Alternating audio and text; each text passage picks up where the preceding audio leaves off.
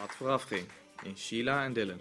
Hey, jij raadt trouwens nooit waarop wij Nederland-Australië gaan kijken. Kijk eens. dat even niet? Ja, weet je. Ik dacht, laat ik je gewoon eens even verwennen vandaag. Hier zit meer achter, eh Dylan. Kijk. Ik heb hem gewoon geboekt. Oké. Waar zitten? Over een paar weken in het vliegtuig naar Zuid-Afrika. Nou, ik, ik, ik dacht dat je, het wel, eh, dat je het wel leuk zou vinden als... ehm, Wat? Ja, maar je houdt er toch ook van? Hè, met, met de Bold en de Beautiful en zo. Heb je het over zeg? Oh, je gaat me toch niet zeggen dat je het gedaan hebt, hè? Ja, maar Shaila, het is ook mijn geld, toch? toch? Dylan, Ik heb- ik heb me het hele jaar het slag in de ronde gepoetst... omdat wij op safari wouden, Dylan. Ja, We zijn toch geen bioscoop? ja, maar... Dat ding dat past niet eens op de kassie. Hij is ook niet voor op dat kastje. Hij is voor aan de muur, met zo'n bogie. Wat kostte dat ding, Dylan? Kleine 3000 euro. Jij wou gewoon zeggen dat je 3000 euro van onze rekening hebt gehaald voor dat ding? Je gaat hem maar terugbrengen. Het interesseert me geen bal hoe je het doet. Maar als ik straks terugkom, dan is dat ding met bochtje en al is hij verdwenen. Heb je dat begrepen? Dat is de beste bal.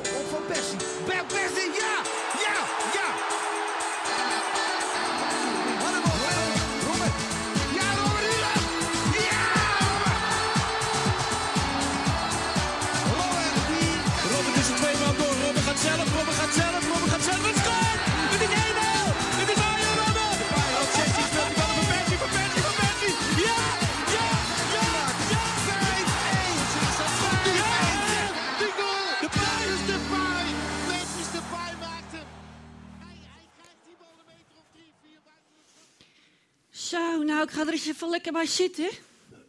Genoeg gepoetst vandaag. Nou. Zo. Even lekker. Wat kijken jullie? Ach ja, schattig hè. Het was hij net jarig geweest. Tot hij zijn eerste schakelketting gekregen van zijn vader. Stoer hè. Ja. Heb je ook kinderen? Nou, neem één ding van mij aan.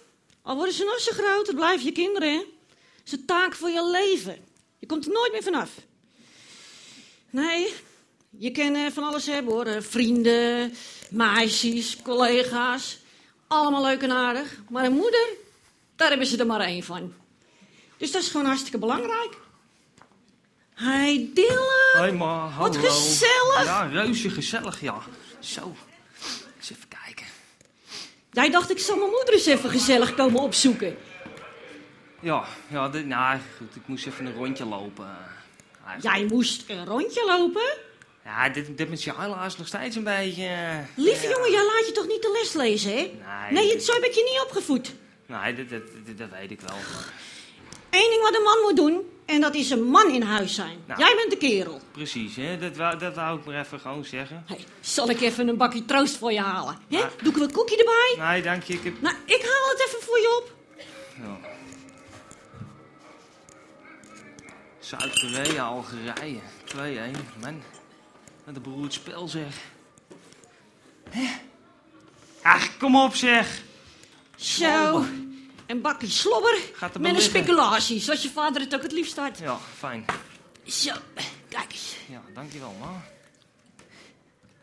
Wat kijken? Nou, Zuid-Korea, Algerije. Het staat 2-1. Maar ze spelen nogal beroerd. En kijk, daar gaat ook eens bij liggen, man. Het is wel een genot hoor, zo'n televisie. Ik dacht eerst, wat moet ik met zo'n bochie? Maar eh, het was een goede tip van je, jongen. Ja. Ja. Het is toch wel leuk hoor. Van de week zat ik sterren springen te kijken. Ik denk nog even, ze storten zo mijn huiskamer in, joh. ja. Maar ze kwamen niet. Idioot, man. Kijk, daar gaat je doppen. Ongelooflijk, zeg. Weet je, zo'n gozer krijgt dus een paar ton om tegen zijn ballie aan te trappen in, in Brazilië. Hè? Hoe hebben ze die gozer op kunnen stellen? Oh, man. Met je vader keek ik ook altijd televisie. Ja. Maar ja. Sowieso een beetje stil hoor. Ik ben blij dat er af en toe nog iemand van die televisie om het hoekje komt kijken.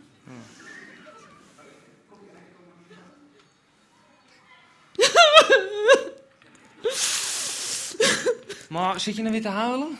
En zo erg is het niet hoor. Ze hebben nog 40 minuten om gelijk te maken. Nee, dat is het toch niet, jongen?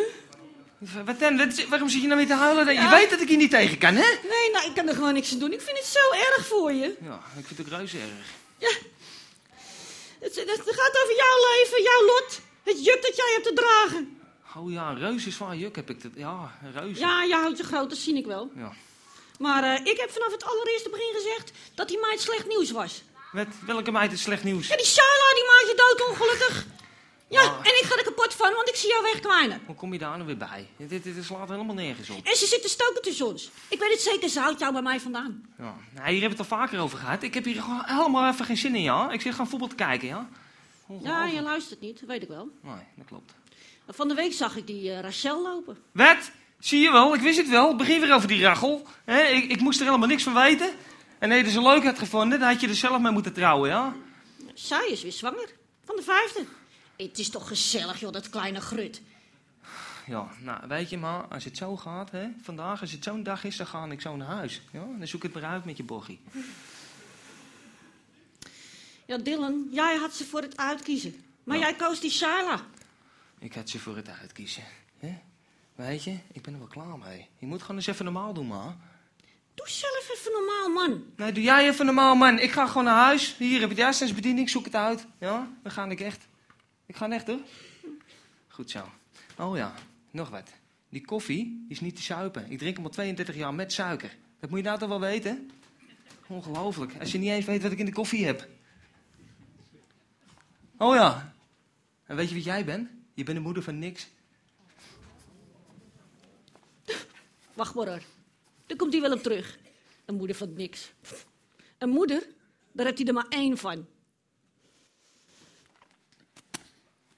My goodness zeg, dat zal je familie maar zijn, joh. Ik zou, eh, als ik scriptschrijver was voor volgende week, maar een of andere gezinstherapie eh, schrijven.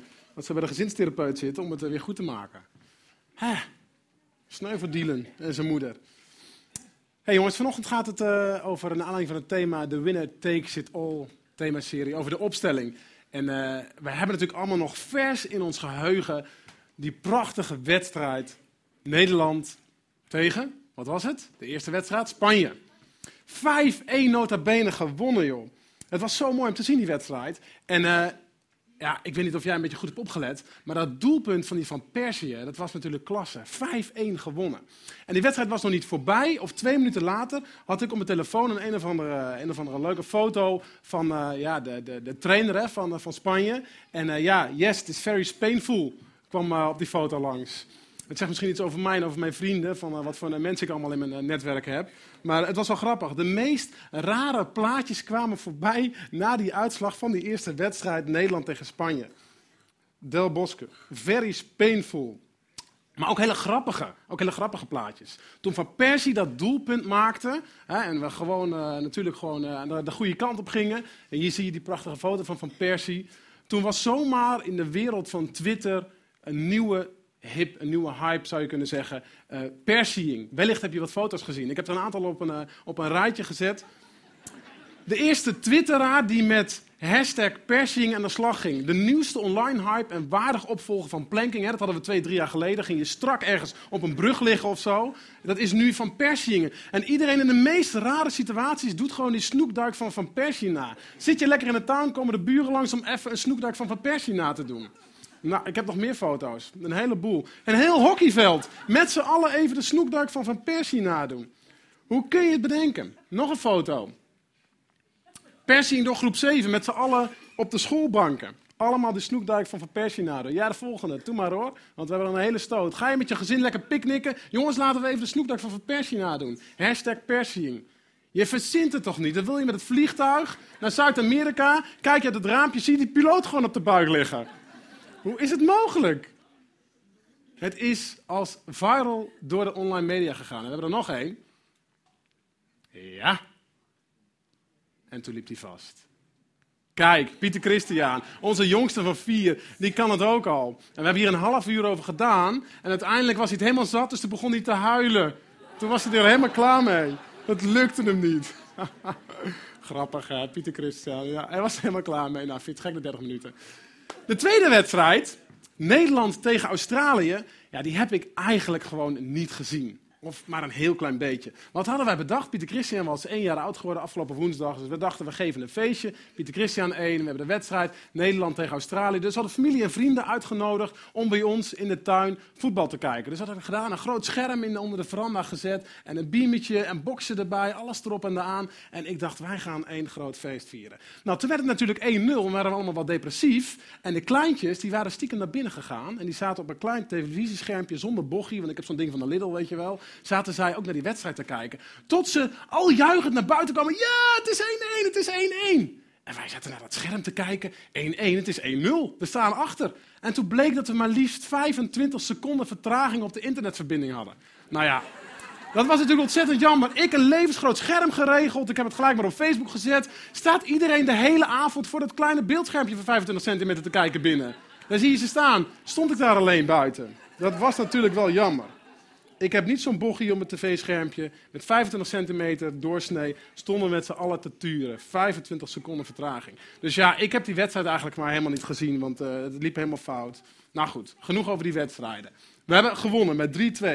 De themaserie, The Winner Takes It All. Martin heeft vorige week gesproken over het doel. Hè. Wellicht ben je vorige week geweest. Heb je er iets over kunnen horen? Het doel wat is nou het doel van ons leven? Martin heeft erover verteld dat God een plan voor jouw leven heeft. Een plan vol hoop, een plan van blijdschap. God wil jou innerlijke vrede geven. En vanmorgen dus gaat het over de opstelling. En wat is die opstelling, jongens? Wat is die opstelling belangrijk? En wat is er de afgelopen weken veel over geschreven in de media? Het is begonnen met dat verguiste systeemfout van Van Gaal. Want wat had Van Gaal nou gedaan? Hij koos voor het 5-3-2 systeem. Het 5-3-2 systeem. En dat zou echt niet werken. Weet je wat ik dan zo grappig vind?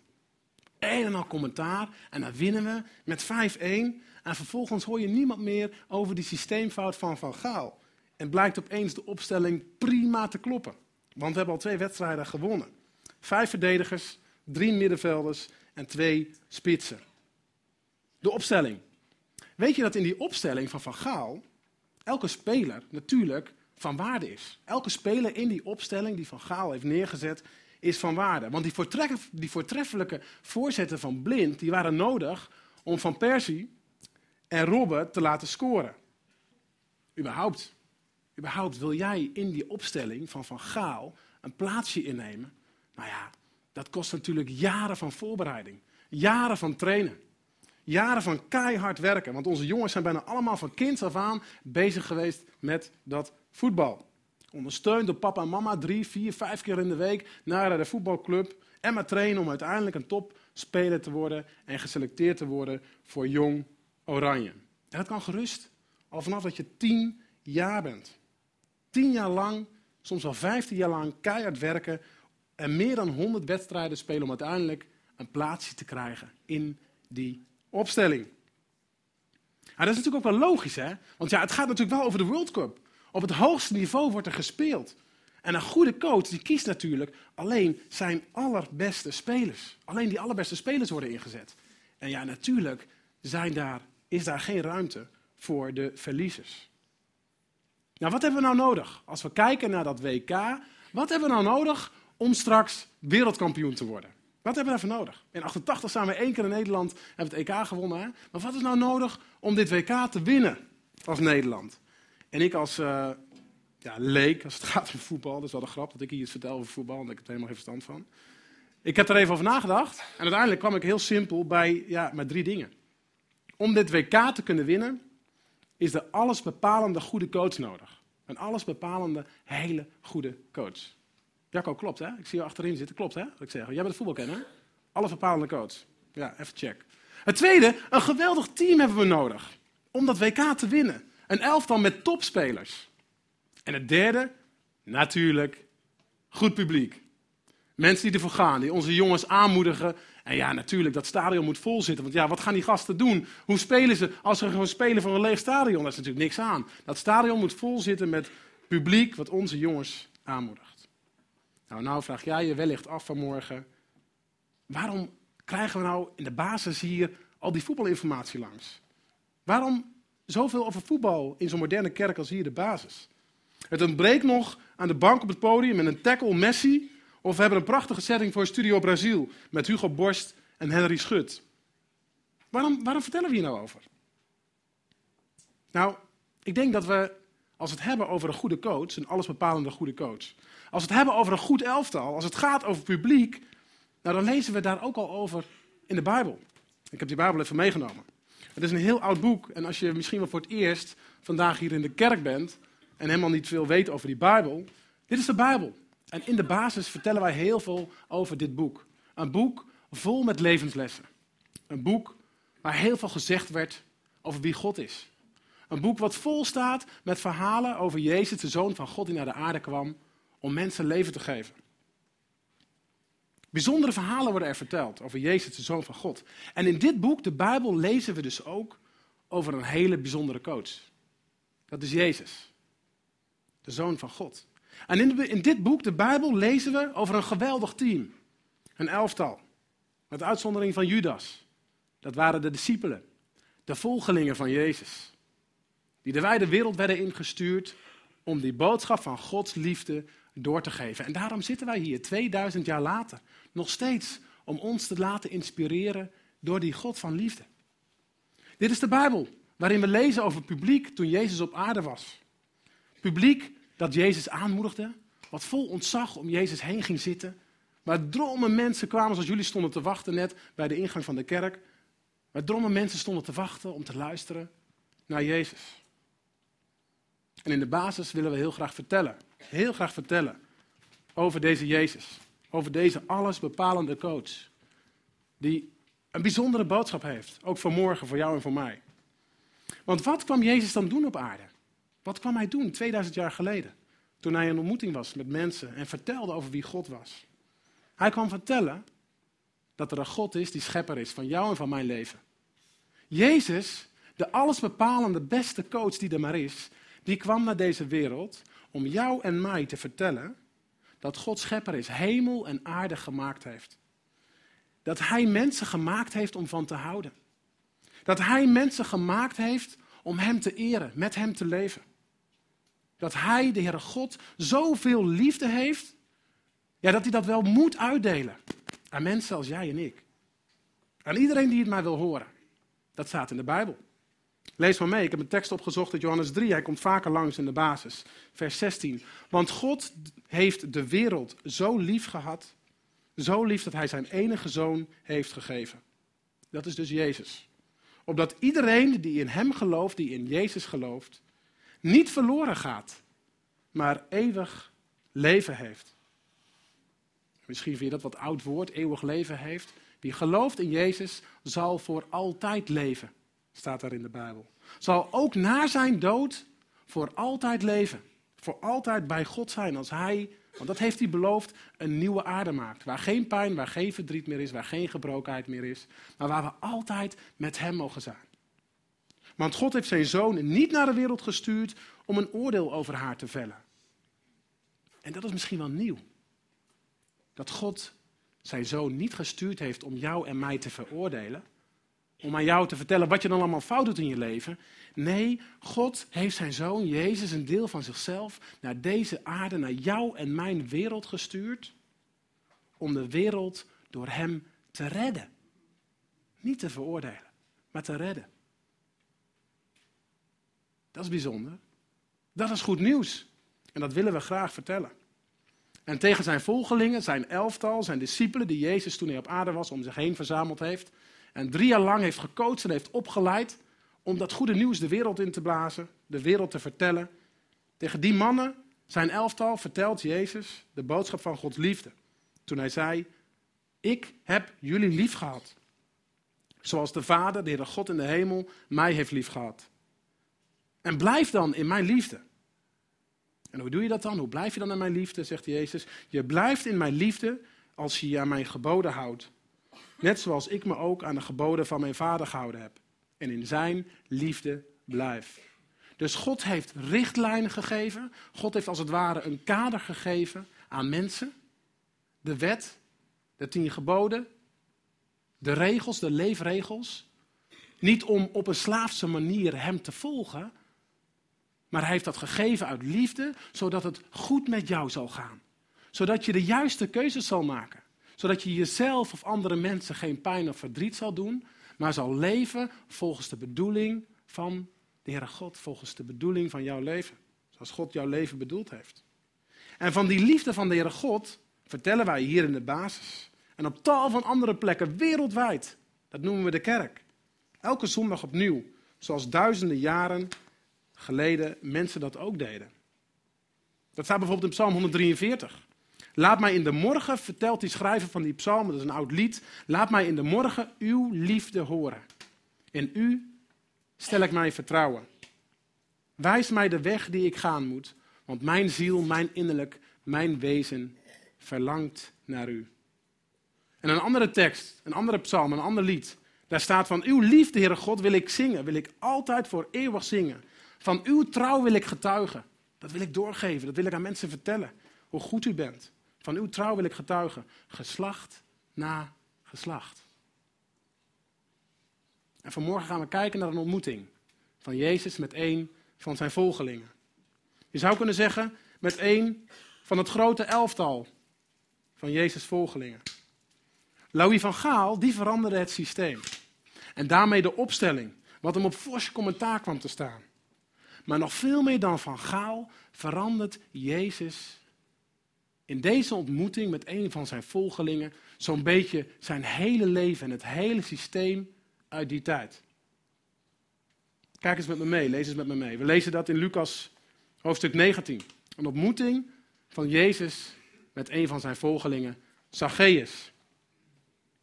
Jezus ging Jericho in en hij trok door de stad. En er was daar een man die Zacchaeus heette, een rijke hoofdtollenaar. En hij wilde Jezus zien om te weten te komen wat voor iemand die Jezus dan was. Maar dat lukte hem niet vanwege de, vanwege de menigte, want hij was klein van stuk. Zacchaeus woont in Jericho. En Zacchaeus heeft gehoord dat Jezus, de zoon van God die daar rondging, dwars door de stad Jericho zou gaan. Dan moet je weten dat Jericho een stad was ten zuiden van Jeruzalem. En Jezus was onderweg, kwam langs die handelsroute dwars door Jericho om naar Jeruzalem te gaan. En Zacchaeus heeft ervan gehoord. Jericho was dus een stad wat op een handelsroute lag en waar heel veel tol werd geheven. Want ja, iedereen die zeg maar vanuit Jeruzalem door Jericho naar het zuiden afdal richting Egypte ging, ja, die handelsroute, daar, daar moest je natuurlijk zijn, want daar kon je mensen geld vragen. Daar kon je vragen, ja, sorry, als je door de stad wil, door de poort wil van Jericho, is te verschuiven. Dus er waren in de stad Jericho waren een heleboel belastingambtenaren, zou je kunnen zeggen. Mensen die tol vroegen. Iedereen die maar langskwam, die langs die handelsroute ging, vanuit Jeruzalem naar het zuiden en vanuit het zuiden richting Jeruzalem, de hoofdstad in die tijd van Israël, ja, die moest flink betalen. En Zacchaeus, Zacchaeus was de grote baas. Zacchaeus was de baas van al die belastingambtenaren. Je zou kunnen zeggen, hij was de minister van Financiën van Jericho. Hij was de baas. En hij inde al dat geld. Oppertollenaar, staat er in de Bijbel. En hij was schatrijk. En weet je, al die mensen van Jericho en al die handelaren die van noord naar zuid heen en weer reden, liepen, of hoe ze dat dan ook maar deden. Al die mensen hadden een bloedhekel aan deze Zacchaeus. Want ja, deze zakkenvuller, als hij 10 euro moest vragen, dan vroeg hij natuurlijk 20. En kon hij zelf 10 euro in zijn zak steken. Rijk worden, lieve mensen, ten koste van een ander, ja, daar word je niet per definitie geliefd van in je omgeving. Daar word je niet gelukkig van. Dat lezen we ook in dit verhaal. En tegelijkertijd, geld is macht. Dus Zacchaeus was de baas. Op het eerste gezicht leek het een rijke, invloedrijke man, sterke man. Maar van binnen was Zacchaeus een hartstikke leeg man. Eenzaam. Werd er altijd op hem neergekeken. Vanwege zijn slechte gedrag. En dan was hij nog klein ook. Ik kan me dat zo voorstellen. Keer op keer dat hij vernedering, nou, vernedering doormaakte. Keer op keer voelde als mensen langs hem heen gingen en hij weer geld vroeg. Of zijn belastingambtenaren vroeg om uh, vooral veel geld uit de zakken te kloppen. Ja, dat voel je dat er over je gepraat en geroddeld wordt. Kwaadspekerij, gespuug op de grond, noem het maar op. En joh, dat hou je maar een paar jaar vol. Maar er komt een moment, er komt een dag, ja, dat je onherroepelijk gewoon een keer het beltje er maar neerlegt. En dat je jezelf de vraag stelt, is dit het dan waar ik voor leef? Gaat het dan om mijn carrière, om zoveel mogelijk geld te maken? Gaat het dan, gaat het dan alleen maar om die buitenkant, dat ik een man ben met geld? Dat betekent dat ik rijk ben en machtig ben en belangrijk ben en het gemaakt heb? Ik kan me zo voorstellen dat Zacchaeus ook die vragen krijgt. Na jaren van geldklopperij. En dan hoort Jezus dat Zacchaeus voorbij komt. Of dan hoort Zacchaeus dat Jezus voorbij komt. Dat Jezus dwars door die stad Jeruzalem gaat. En deze Zacchaeus die verlangt, we lazen het, hij verlangt ernaar om Jezus te zien. Een ontmoeting te hebben met hem. Om te zien wie hij nou werkelijk was. Ja, natuurlijk, je kunt je voorstellen dat Zacchaeus, toen Jezus door Jericho ging, niet de beste plek krijgt. Hij kwam niet vooraan te staan. Nee, Zacchaeus stond helemaal achteraan. En omdat hij klein was, lazen we net in vers 3, ja, kon hij Jezus niet zien. En wat doet Zacchaeus dan?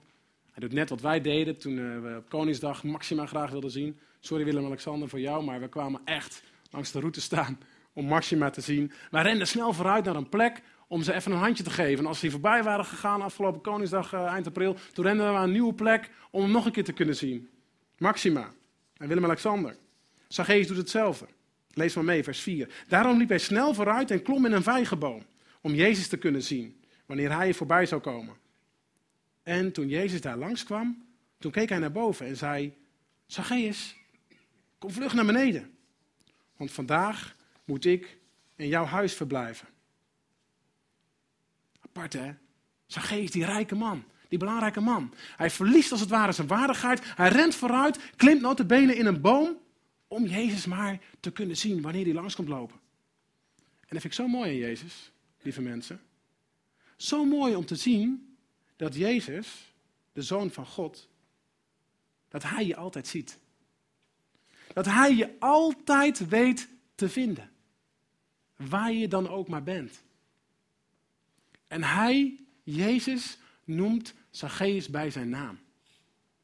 En dan zegt hij, Zacchaeus, kom er eens uit jongen. Kom eens naar beneden. Dan moet je weten dat Zacchaeus betekent de rechtvaardige, de reine. Dat is toch de wereld op zijn kop. Hij, Zacchaeus, de geldklopper, de grote crimineel van de hele stad Jericho, zit in een boom en Jezus spreekt hem aan bij zijn naam. Zacchaeus, kom naar beneden. Jij bent de reine, jij bent de rechtvaardige. En het lijkt net alsof het allemaal van tevoren al was voorbestemd. Dat met dat Zacchaeus geboren was, zoals deze kleine sil net in de armen van Melissa lag, met dat Zacchaeus geboren was en hij de naam Zacchaeus kreeg, God als het ware al gezegd had, jongen, maar ik heb je op het oog. En je gaat een heleboel verkeerde keuzes maken in je leven. En dat gaat je pijn doen en mensen zullen je bespugen en mensen zullen als het ware hun hoofd of je nek voor je omdraaien. Maar jij bent de rechtvaardige, want ik ga je rein maken. Ik ga je zonde vergeven en ik ga alles in het heel jouw systeem ga ik op de kop zetten, ga ik veranderen. Jezus noemt Zacchaeus bij zijn naam. En als het ware doet hij dat vanmorgen ook bij jou. We lezen het in het Oude Testament, uit dat boek de Bijbel in het Oude Testament, dat de profeet Jezaja, een oude boodschapper van God, dezelfde woorden uitsprak tegen het volk Israël. En vanmorgen zegt God het tegen jou, wel nu. Dit zegt de Heer. Hij, de schepper, die jou gemaakt heeft zoals hij hier vanmorgen op je stoel zit. Wees niet bang. Wees niet bang, want ik, de Heere God, jouw schepper, ik zal je vrijkopen. Ik heb je bij je naam geroepen. Jij bent van mij. Je bent van mij. En ik moet denken aan de woorden van de God, schepper, toen Adam en Eva een verkeerde keus maakten in het paradijs. Toen deed God al vanaf het allereerste begin hetzelfde. Misschien ken je het verhaal. Als Adam en Eva een verkeerde keus maken, vanwege de vrije wil die ze hadden om te kiezen tussen goed en kwaad, we lezen het in de eerste hoofdstukken van de Bijbel. En ze tegen God kiezen en zelf autonoom willen zijn, zelf de baas willen spelen in hun leven. Dan verstoppen ze zich, want dan zijn ze tot de conclusie gekomen dat ze niet naar God geluisterd hebben. En weet je wat God dan doet, lieve mensen? Dan zegt God niet, Adam, wat heb je nou gedaan? Kerel, wat doe je nou? Ik had nog zo gezegd. Nee, wat God dan doet, dan roept hij Adam bij zijn naam. En dan zegt hij, Adam, Adam, waar ben je? Waar ben je? En zoals hij Adam riep, zo riep hij ook Zacchaeus. Zacchaeus, kom uit de boom, jongen, want ik moet vandaag bij jou in huis zijn. Ik wil vandaag zijn daar waar jij je veilig voelt, zei Jezus. Ik wil daar zijn, Zacchaeus, op de plek waar jij het meest vertrouwd voelt. En waar je het meest vertrouwd weet. Zo wil Hij, de Heere God, in ons huis wonen en ons vullen met Zijn aanwezigheid. Met Zijn vrede, met Zijn liefde, met Zijn genade, met Zijn waarheid. En zo roept Hij vanmorgen ook jou bij, zijn, bij je naam. En Hij zegt, mijn kind, ik ben je schepper, ik ben je God. En wellicht ken je me helemaal niet. En wellicht heb je nog nooit over mij gehoord. Maar ik ken je. Zoals ik Zacchaeus kende.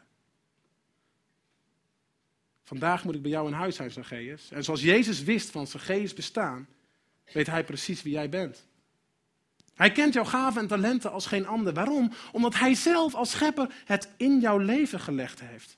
En met alles wat je doet, en met alles wat je tot nu toe bereikt hebt, ja, komt dat uiteindelijk bij God vandaan. Zelfs ook als je dat niet beleidt en niet gelooft. En dat eigenlijk misschien wel helemaal niet weet. En dan kan ik me zo, zo voorstellen als jij hier zit en dit helemaal niet gelooft. Dat je denkt, ja, klets maar even lekker door Jorien, maar ik geloof er helemaal niks van. Wat een onzin. Dat snap ik. Dat snap ik, want de tegenstander van God heeft dat weggehaald, dat geroofd wat God in je gelegd heeft. Dat snap ik, want de connectie van de Heere God als schepper van het leven met jou is als het ware doorgehaald omdat je hem niet kent, omdat je wellicht nog nooit over hem gehoord hebt. Het kan ook zijn dat je hier zit en dat dit beangstigend voor je is. Als je vanmorgen hoort dat er een God is die alles van je weet, het donkerste plekje in jouw leven gewoon kent, gewoon ziet omdat hij dwars door je heen kijkt, omdat hij je gemaakt heeft. Ja, dat kan beangstigend zijn. Het kan ook zijn dat je hier zit en dat het heel bevrijdend voor je is. Omdat je de Heere God hebt leren kennen. Zijn liefde in je hart is gekomen. En je ervaart en zeker weet dat Hij er is, dat je geliefd bent en gekend bent door Hem. Dat lezen we. Ook in zo'n oude psalm, psalm 139. Heer, u kent mij. U doorgrondt mij, u weet het. Als ik zit of als ik sta. U doorziet van verre mijn gedachten. Ga ik op weg of rust ik uit? U merkt het op. Want met al mijn wegen bent u vertrouwd. Geen woord ligt op mijn tong. Of u, Heer, Schepper, u kent het volkomen. U kent het ten volle. U omsluit mij, van achteren en van voren, en u legt uw hand op mij. Wonderlijk zoals de Heere God ziel gemaakt heeft. Wonderlijk zoals u ook mij kent. Het gaat mijn verstand, het gaat mijn begrip echt te boven. Hoe zou ik aan uw aandacht kunnen ontsnappen, Heere God? Hoe zou ik aan uw blikken kunnen ontkomen? Zacchaeus moet dit diep van binnen gevoeld hebben. Als Jezus hem bij zijn naam noemt, weet hij direct wat hij moet doen. Hij rolt als het ware uit de boom. Hij weet niet zo snel hij naar huis moet komen om Jezus welkom te heten in zijn huis. En dan de, en dan de omstanders. Het publiek. Een goede coach is nodig om de World Cup te winnen. Een goed elftal. Goede spelers zijn nodig. En een goed publiek. Nou, dat publiek was er ook in die tijd van Jezus. De omstanders. Je zou kunnen zeggen dat publiek, de tribune, de arena, vol met mensen. Die er allemaal wat van vinden. Lees eens mee. De mensen die daarbij stonden, daar in Jericho, die dat zagen, wat Jezus deed, ja, die spraken er schande van. En die zeiden tegen elkaar, hij is de gast bij een zondaar. Jezus, die van zichzelf zegt dat hij de redder is, dat hij de heilige is, de zoon van God. Hij gaat om met een zondaar. Wat is dit? De mensen snappen er helemaal niets van. Ze roddelen zich kapot. En iedereen vindt er weer iets van. Dat doet de gemiddelde mens tot op de dag van vandaag. Dat doet de kerk tot op de dag van vandaag. We vinden allemaal overal wat van. En helaas, er is zomaar onbegrip of afgunst of jaloezie of boosheid. Hij is de gast bij een zondaar. Dat kan toch niet? Dat is onze grootste vijand. De grootste crimineel van Jericho. En daar wil Jezus bij in huis wonen. In een ander Bijbelgedeelte staat dat hij zelfs daar wilde overnachten. Waarom dan? Waarom doet Jezus dit? Waarom gaat het bij Jezus zo anders? En waarom zet Jezus dat hele systeem van het leven van zijn geest op zijn kop? Nou, dat komt, ik zei het al, omdat God een God van liefde is. En dat God mensen niet wil veroordelen. Tollenaars worden geassocieerd met de slechtste mensen uit die tijd. Het waren de rovers, de mensen die vreemd gingen, de gekken en de criminelen van de stad. God veroordeelt het niet. En in 2000 jaar, lieve mensen, is er nog niets veranderd. Tot op de dag van vandaag is er nog niets veranderd. Want als Jezus vandaag door de hoofdstraat van Apeldoorn zal lopen, was hij de eerste die op bezoek was gegaan bij onze nieuwe dorpsbewoner Volkert van der Graaf. Hij was de eerste die had aangebeld om bij hem binnen te komen en met hem te eten. Omdat God een God van liefde is. Omdat God zo graag de fouten van mensen, wat je ook gedaan hebt, wil vergeven. Bij God is er altijd een tweede kans. Bij God mag je elke dag opnieuw beginnen. Want weet je, als ik eerlijk ben, en als jij eerlijk bent, in al onze kwetsbaarheid, moeten we toch allemaal bekennen dat we niet zuiver zijn tot op de graad. We denken zo vaak eerst aan onszelf, voordat we denken aan die ander. Ja, als we nog een beetje tijd of misschien nog een beetje geld over hebben, dan zien we die ander staan. In plaats van tevreden te zijn met wat God ons gegeven heeft, zijn we zo snel jaloers. Is zo snel dat gras bij de buren zoveel groener. We praten te vaak negatief over die ander. In plaats van positief. Om er soms notabene zelf nog beter van te worden. We verschillen niet zoveel met die Zacchaeus uit Jericho. En erger nog, soms kiezen we liever voor de leugen om ons gezicht te redden, dan voor de waarheid te spreken. Ik zei het al, dat komt omdat de tegenstander van God geroofd heeft wat van God was. Wat God in ons gelegd heeft. Namelijk een leven in harmonie. Een leven in vrede zonder fouten. Zonder verkeerde keuzes. Een ontmoeting met Jezus, lieve mensen, tot slot. Zet alles in jou en mijn leven op zijn kop, ondersteboven. Want we lezen het, Zacchaeus gaat staan als Jezus dan bij hem in huis is. Hij is blij in zijn hart. Hij maakt een keus. God heeft zijn hart veranderd. Hij legt zijn zondige leven af vol leugens, afwijzing en hoogmoedigheid. Hij legt het af en hij kiest ervoor dat de Heer Jezus dat mag gaan vullen met zijn waarheid. Met het goede van God. En dan moet je weten, in die oude traditie, die Joodse oude traditie, moesten mensen die een ander benadeeld hadden, maar liefst de helft van het eigendom weer teruggeven. Plus een vijfde van die waarde daarbovenop. En kijk eens wat Zacchaeus doet. Zacchaeus geeft het viervoudige terug aan de mensen die hij heeft benadeeld. Hij zegt tegen Jezus: Jezus, ik geef de helft van mijn bezit aan de armen. En iedereen die ik benadeeld heb, ik geef het keer vier aan die mensen terug. Dat is God. Dat is Jezus. Een ontmoeting met Heer Jezus verandert je hart. Brengt je tot inkeer. Brengt berouw, verdriet over jouw verkeerde keuzes. En roept een diep verlangen in je wakker naar vergeving, naar herstel en naar reiniging. En laat Jezus nou net de enige zijn, lieve mensen, die vanuit zijn grote liefde jou dat wil geven. Kijk maar, vers 10. De mensenzoon, Jezus, is gekomen om te zoeken en te redden wat verloren was. Dat geeft diepe vrede. Dat geeft blijdschap, net als Zacchaeus. En vrijheid in je hart. Zoals Zacchaeus vrolijk rennend naar huis rende voor Jezus uit. Als het gaat over de opstelling, laat Jezus jou niet op de bank zitten.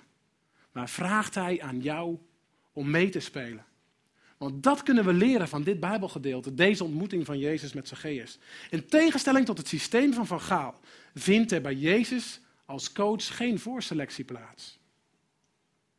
Je hoeft bij Jezus geen goede speler te zijn.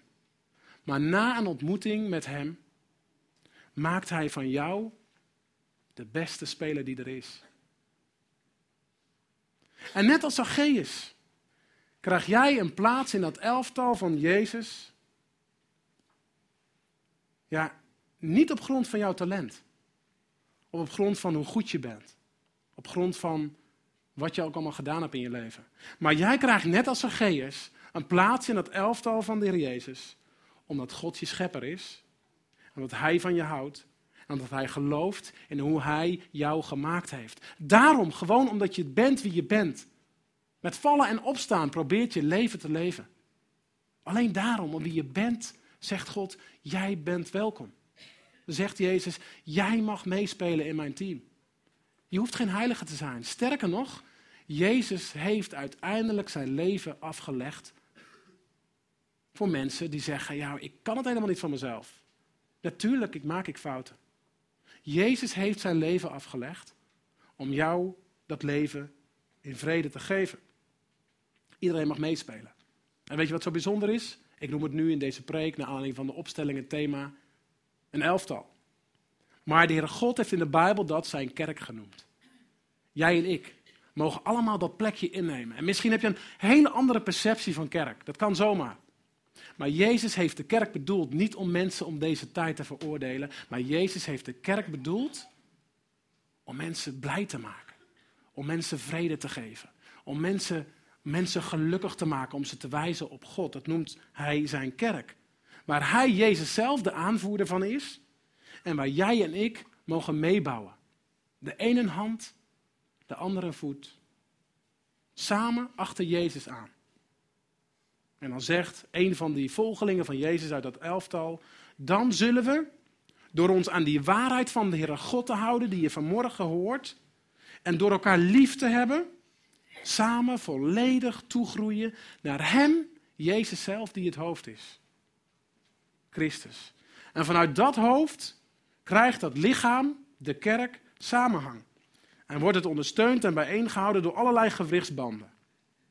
Zo mag iedereen zijn deel bijdragen. Ieder deel draagt naar vermogen bij tot de groei van het lichaam, dat zo zichzelf opbouwt door de liefde. Ik hoop en ik bid, en dat gaan we ook samen doen, dat je die liefde van God en misschien wel die nieuwe waarheid over kerk zijn in 2014, dat je dat vanmorgen mag ontdekken. En dat jij zelf, net als Jezus met Zacchaeus, een ontmoeting mag hebben met Jezus. Zullen we daar samen om bidden?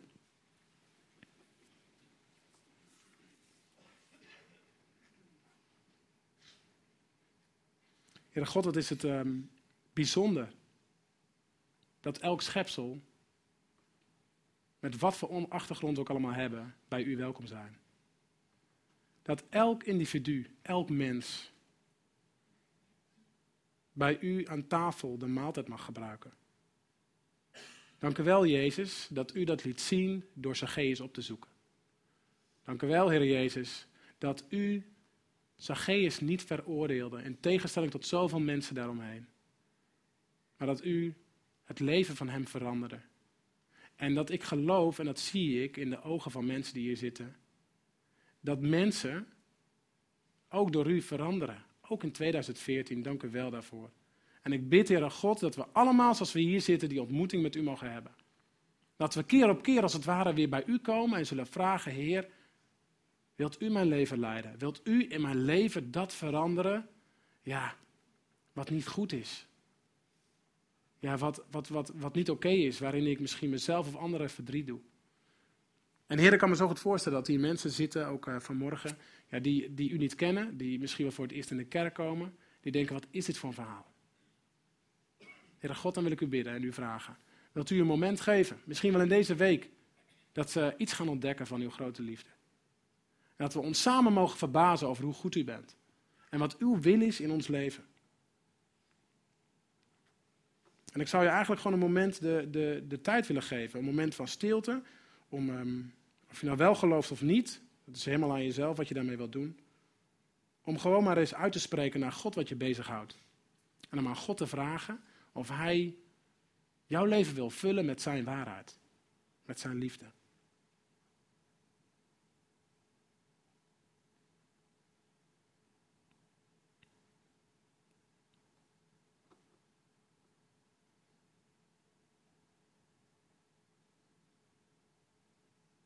Dank u wel, Heere God, dat we allemaal mogen meespelen in dat team van u. Dat u ons allemaal een plek geeft in die opstelling. En we, zo verschillend als we zijn, misschien heel voorzichtig, dat spel mogen meespelen. Ik bid, Heere God, of u ons hart wilt vullen met uw goedheid, met uw waarheid. Dat bid ik in Jezus' naam. Amen.